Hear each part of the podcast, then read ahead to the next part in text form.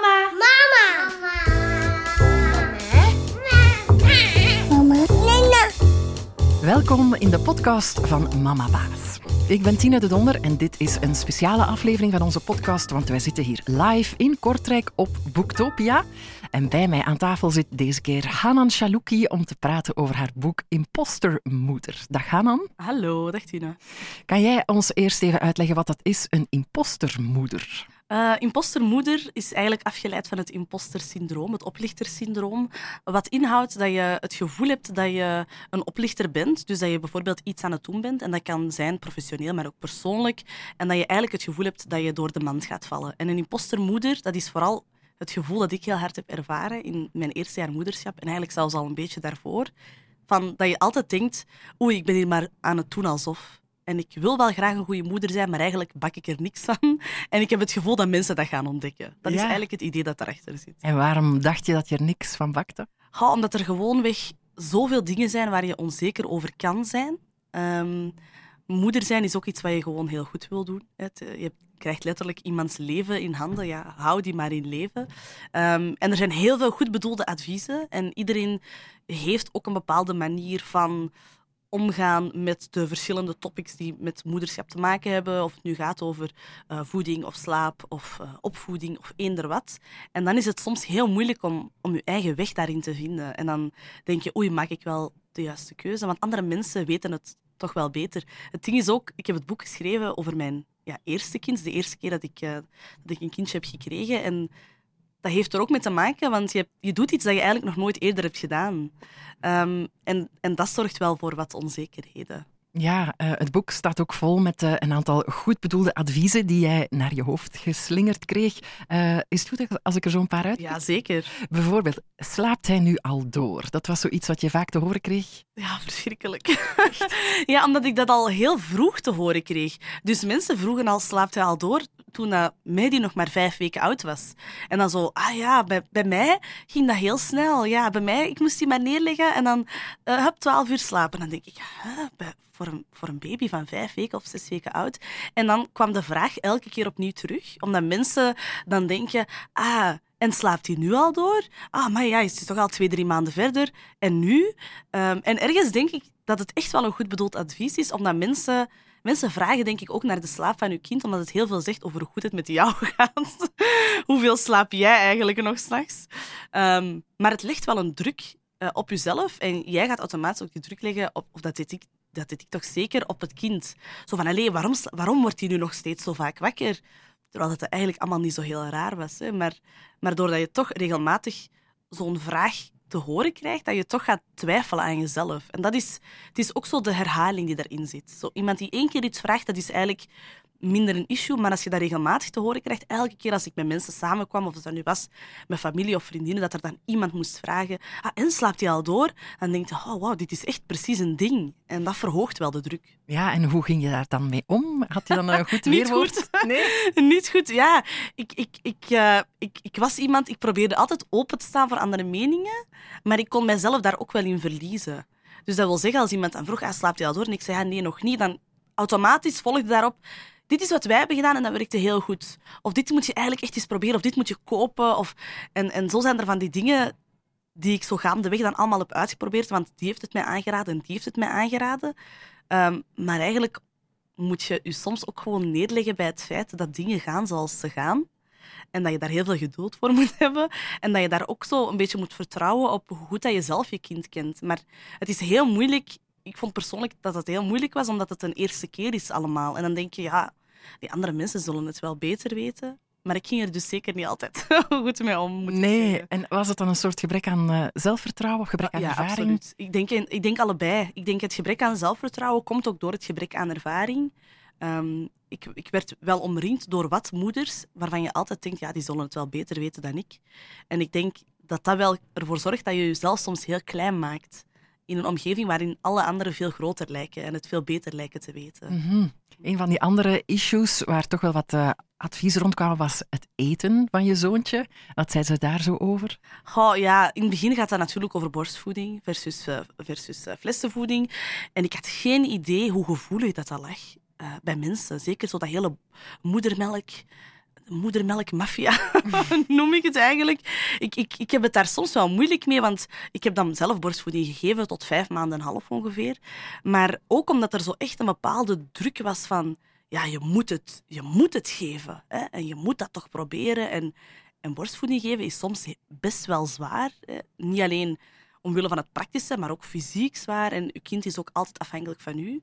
Uh, maar daar, was, daar waren zoveel uh, meningen over die echt... En, ja, het was unaniem. Hè. Borstvoeding is het beste, is het beste. En dan kwam je af en toe zo eens een moeder tegen, waar dan dat de rest van de samenleving dan naar kijkt als zo'n loedermoeder.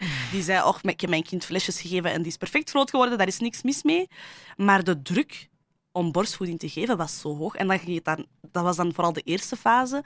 En nadien zit je dan in de, in de vaste voedingfase. Dan is er daar ook weer een grote afkeur naar potjesvoeding. Dus ik was echt maniacaal in verse voeding bereiden en in de diepvries steken. En echt, de meal preps die ik deed voor mijn zoon, heb ik echt nog nooit voor mezelf gedaan of voor iemand anders. Um, en, en je kan jezelf daar wel snel in verliezen. Dat heb ik, dat heb ik vooral geleerd over mezelf. Dat, zeker als het over eten ging, want ja, je wilt dat je kind gezond, uh, gezond eet, je wilt dat hij niet ziek wordt, Allee, je wilt, je wilt het beste kunnen meegeven. Um, maar dat is best wel een hoge druk, hè? Het idee dat jij dat allemaal in de hand hebt. Ja, je moet er, je moet er goed voor zorgen. Ja. En je schrijft het zelf ook mooi in je voorwoord. Hè. Ik werd moeder, maar op diezelfde dag werd ik ook onzeker. Ja, ja. en uh, onzekerheid was eigenlijk niet per se een vreemde voor mij, in de zin dat ik, ik ben begonnen met ondernemen toen ik 22 jaar oud was. Dus ik was best wel jong. Ik zat heel vaak in uh, vergaderkamers met uh, heel wat uh, mannen in kostuums. en dan moest ik het gaan uitleggen. Dus dat maakte mensen al onzeker. Maar tegen dat ik moeder was geworden, was ik al wel wat verder in mijn carrière. En veel, had ik veel meer zelfvertrouwen in alles wat ik bereikt had, in wat ik deed. Ik had ook al een zakelijk boek geschreven. En ik voelde mij, ik voelde mij heel sterk in mijn schoenen staan. En dan word je moeder en dan ben je opnieuw beginner. Um, en zo die beginnerspositie is iets wat, wat ja, het is heel normaal dat je dan onzeker bent. Je hebt dat allemaal nog nooit gedaan. En dat gebrek aan zelfvertrouwen op dat moment is zo groot, maar ook omdat het over iets gaat wat, wat je zo nauw aan het hart ligt. Hè. Een baby kan je niet echt vergelijken met je werk. Uh, het, is, het is heel persoonlijk, het is, ja, het is van u. Um, en ik hou van mijn werk, maar niks komt boven mijn kind. En zo het idee van, oké, nu, en nu, juist nu ben ik zo onzeker, is heel confronterend. Hè? Want ik heb nog nooit iets zo goed willen doen en dan overvalt het u van, ah, eigenlijk weet je hier niet zo heel veel over. Of je denkt er misschien veel over te weten, maar je kind werkt toch niet mee als het gaat over dit of over dat. Uh, dus zo terug die beginnerspositie aannemen, dat vond ik wel een hele moeilijke. Ik was dat niet meer gewoon. Mm -hmm. ja. En weet je of kan je daar nu de hand op leggen wat jou wel zou geholpen hebben? Um, vertrouwen van mensen.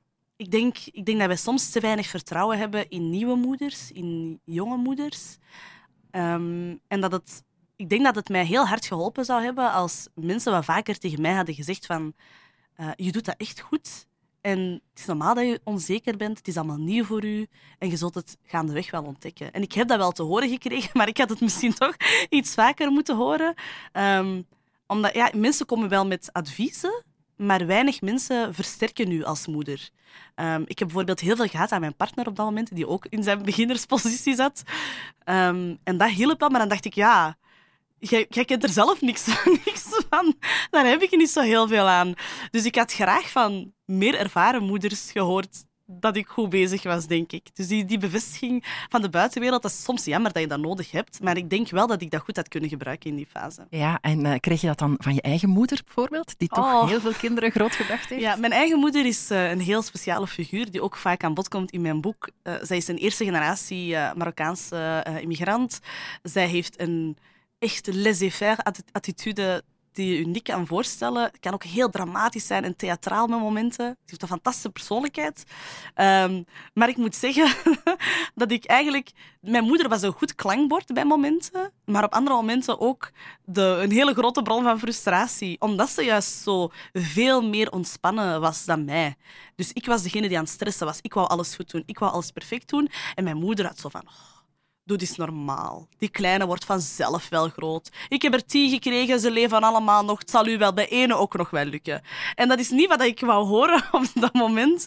Ehm, en ik denk, ja, dat heeft ook te maken met de relatie die met je moeder. Ik heb een hele goede relatie met mijn moeder. Mijn moeder heeft echt een totaal andere persoonlijkheid dan ik zelf. Ehm, en, en ik denk dat we soms heel dicht naar elkaar toe zijn gegroeid. Ondanks het feit dat we in het begin al wat gebotst hebben als het ging over moederschap. Maar dat is simpelweg omdat zij ook in een totaal andere context heeft leren moederen. Dus alleen voor vrouwen van haar generatie en ook vanuit, vanuit mijn community, vanuit mijn culturele gemeenschap, ja, ze stond er nooit alleen voor. Zij was altijd omringd door haar zussen, door tantes, door mijn grootmoeder, uh, door de buren. Door, iedereen hielp elkaar. Dus het hele idee van It Takes Village was nog heel zichtbaar in haar generatie.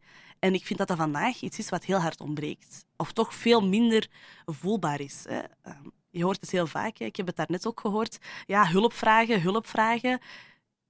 In die tijd moest je geen hulp vragen, want hulp was er gewoon. Hè. Ze liepen je deur plat, mensen klopten zelfs niet aan. En nou, ik ben er en ik heb eten bij. En zeg, ga maar een uur slapen, ik neem je kind wel over.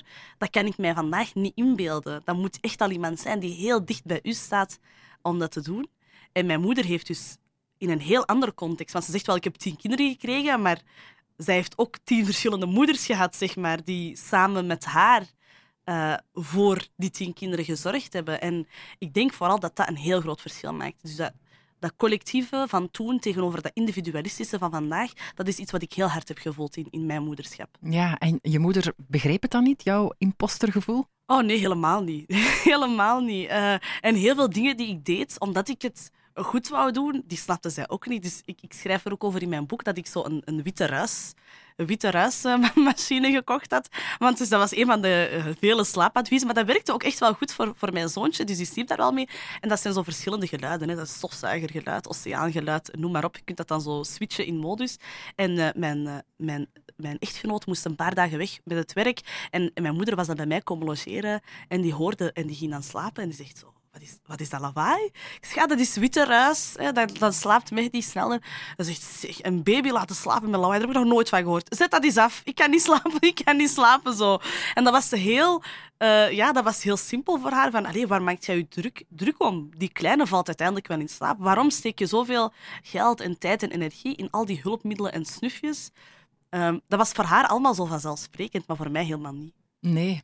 Mhm. Nu, ondertussen is je zoontje twee jaar geworden, denk ik. Ehm, voel je je nu nog altijd een impostermoeder? Uh, veel minder. Uh, ik voel me soms wel een heel slechte moeder, moet ik eerlijk zeggen. Maar gewoon omdat, ja, dit is gewoon weer een heel nieuwe fase. Dus ik heb niet het gevoel dat ik het slecht doe. Ik heb soms wel het gevoel dat mijn kind het niet zo heel goed doet. Dat ik zo denk, ah, die peuterpuberteit, ik vind dat verschrikkelijk. Altijd maar aan het gillen en driftbuien. En, en er zijn heel veel leuke dagen dat hij heel speels is. En, en dan ineens wordt hij zo wakker en zo boos, zit er zoveel boosheid in, dat ik zo denk, oh, wat, is er, wat is er mis met mijn kind? Uh, dus dat kan ik soms wel hebben, maar dat zijn gewoon ook weer deze jaren waar je door moet. En ik denk ook, doordat ik heel onzeker was met Mehdi als baby, en mij daarover heb moeten zetten, dat er weinig dingen in het moederschap mij nu nog zo onzeker kunnen maken. Dus het heeft bijvoorbeeld heel lang geduurd voordat hij kon stappen. Hij is pas beginnen stappen op, op 20 maanden of zo, wat, wat zeg maar naar gemiddelde, hè, naar kind- en gezinstandaarden uh, redelijk laat is. Uh, en daar kon ik me dan wel in stressen en dan, maar toch wel redelijk snel loslaten opnieuw. Omdat ik zoiets had van, oh ja, weet je, hoeveel, hoeveel van die fases gaan wij nog meemaken de komende 18 jaar? dat gaat mij veel te veel grijze haren kosten. Dat wil ik niet. Ja, dus ergens heeft dat moeilijke eerste jaar ja toch wel wat Ja, ik denk het wel. Ik denk het wel, omdat je gewoon... Ja, ik denk zo leren loslaten is ook iets wat heel veel vrouwen die, van mijn generatie, dat zie ik heel fel. We hebben een heel perfectionistische generatie. Ja, zo de millennials die alles heel goed willen doen, die alles en overal perfect in willen zijn. En ik herken mijzelf daar heel fel in. En leren loslaten is zo een van de dingen die je wel leert als moeder omdat je geen keuze hebt. Een kind werkt niet mee, doet wat hij wil uh, bij momenten. En, en dan moet je daar soms maar bij neerleggen dat je dat niet allemaal in de hand hebt. En ik denk wel dat ik, zeker in dat eerste jaar moederschap, dat heel vaak heb geleerd. Zo leren loslaten. Van, ah, oké, wilt niet eten op dit moment? we proberen het ze nog eens, we zien wel. In het begin kon ik me daar heel hard in stressen. Maar naarmate dat Mehdi ouder werd, leerde ik ook wel van... Ja, dit, gaat, dit zal ook wel weer passeren. Alles passeert uiteindelijk. En zo leren loslaten is wel iets wat ik heel moeilijk vond in het begin. Maar wat mij steeds gemakkelijker afgaat. Ja. Ja. en is dat ook de boodschap van je boek voor eh, andere jonge moeders die dit misschien nu horen en die in jouw fase zitten van ja, ik hoop het. Ik hoop, ik hoop wel dat ze die boodschap eruit halen. Het zit er zeker in. Ehm, het is vooral het idee dat, dat de perfecte moeder dat dat niet bestaat. En heel veel vrouwen streven er echt naar om, om, om die perfecte moeder te zijn. Ehm, en dat, dat leren loslaten iets is wat je gewoon moet doen. Dus het is niet zo van, het is een optie, je moet dat doen, want anders is de kans heel groot dat je eraan onderdoor gaat. En ik denk, als ik voor mezelf, als ik naar mezelf terug, als ik terugkijk, dan denk ik wel van, het scheelde niet veel. Of ik was er wel aan onderdoor gegaan. Aan al die, al die pressure vanuit de samenleving, vanuit mensen, vanuit, ah, je wil alles zo goed doen en dit moet op die manier en dit moet op die manier. En dat is eigenlijk gewoon niet haalbaar en niet gezond. Dus ik hoop wel dat, dat nieuwe moeders dat eruit halen, dat, dat ze uit het boek kunnen halen van, ja, weet je, goed genoeg is ook oké. Ja, oké, dat is een heel mooie boodschap. Dankjewel, Hanan Chalouki. Dank je. Je luisterde naar een speciale aflevering van de podcast van Mama Baas, naar aanleiding van Boektopia. Interview en montage waren in handen van mezelf, Tine de Donder. Volg zeker Mama Baas op Facebook en Instagram of surf naar mamabaas.com voor meer advies en tips van experten en herkenbare verhalen van andere ouders. Heel graag tot volgende keer.